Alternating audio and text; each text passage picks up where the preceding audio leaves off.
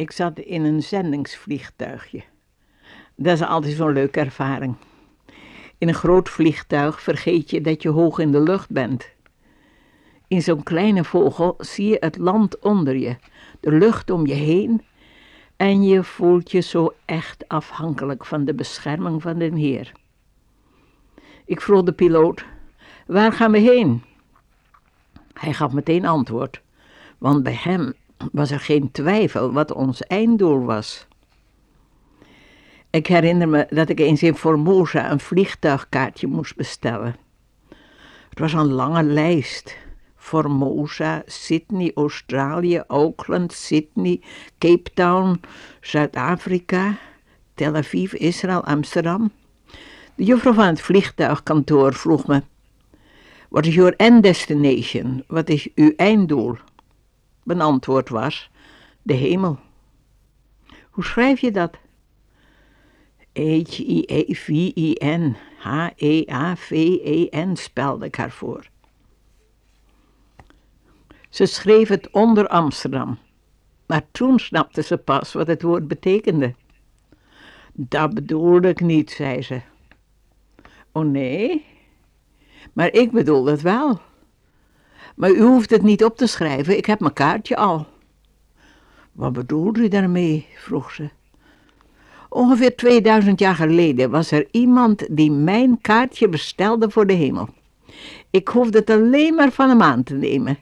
Dat was de Heer Jezus toen hij aan het kruis mijn straf droeg voor mijn zonde.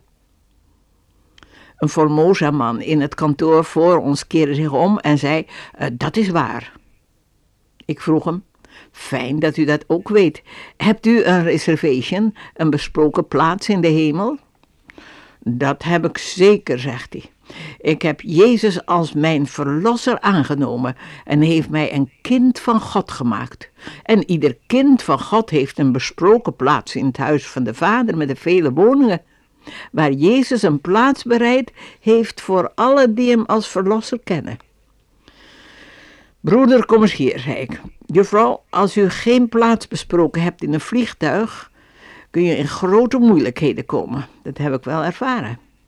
Maar hij geen plaats in de hemel gereserveerd, dan kom je in veel grotere moeilijkheden. Broeder, u moet zorgen dat uw collega niet te laat is met de plaatsbespreking. Was dat een grap? Nee, ik meen het. En ik meen het, als ik u die luistert vraag, weet u zeker dat u in de hemel komt als u sterft? Als u het niet weet, dan kan ik u een heerlijke boodschap geven. Kom tot Jezus. Zij die hem aannemen, geeft hij de volmacht een kind van God te worden. Bid dit gebed. Ik zal langzaam zeggen, dat u het me na kunt zeggen. Heer Jezus, ik ben een zondaar. Ik heb verlossing, vergeving nodig. Ik geloof dat u aan het kruis ook voor mijn zonde gestorven bent. Wilt u mij vergeven en mij een rein hart geven en mij een kind van God maken? Ik vind het zo heerlijk dat Jezus gezegd heeft, zij die tot mij komen zal ik niet wegsturen. Kom tot mij alle die vermoeid en belast zijt, ik zal je rust geven. Wie de Zoon van God vrij maakt, is werkelijk vrij. Ik was zo blij toen ik mijn kaartje kreeg een paar dagen later. Mijn financiën zijn altijd in de sfeer van de wonderen van God. Hij is mijn hemelse penningmeester. Als ik geld nodig heb, en dat gebeurt dikwijls, zeg ik hem vaak: Vader in de hemel, in de Bijbel staat dat u het vee op duizend bergen hebt. Dat is heel wat. Wilt u wat koeien verkopen en mij het geld geven? En hij doet het altijd. En zo hoef ik zelf nooit aan mensen geld te vragen. Ik vertrouw dat de Heer het hun zegt. Ook dit keer was het geld voor het kaartje net op tijd. Ik bladerde mijn boekje met kaartjes door met grote dankbaarheid in mijn hart. Formosa, Sydney, Auckland, Sydney en dan Sydney, Tel Aviv, Israël. Daarna Kaapstad, Amsterdam. Dat was anders dan ik besteld had. Ik ging naar de telefoon en zei: Juffrouw, u hebt een fout gemaakt. Ik heb besteld Sydney, Kaapstad en dan pas Tel Aviv, Israël. En nou heb u dat omgedraaid. Ik maak zelf niet mijn reisplan. Ik vraag God wat zijn wil is en gehoorzaam zijn leiding. Juffrouw, dat is onmogelijk, zoals u dat bestelde. Er is geen directe luchtvaartverbinding tussen Australië en Zuid-Afrika. Er zijn geen eilanden in de Indische Oceaan waar ze een tussenlanden kunnen maken. Dus moet u eerst naar Tel Aviv, Israël en dan naar Kaapstad, Zuid-Afrika. Zo is dat de moeilijkheid. Misschien moeten we dan God bidden om een eiland in de Indische Oceaan.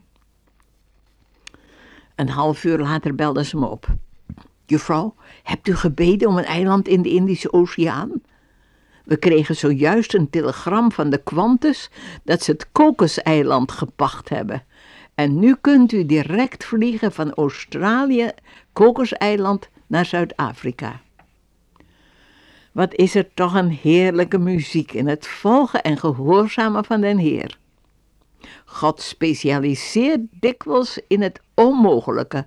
Halleluja. Zullen we bidden? Dank u, Heer, dat u alles mogen vertellen en vragen. En dat u onszelf ook verlangend en in staat maakt om u te gehoorzamen.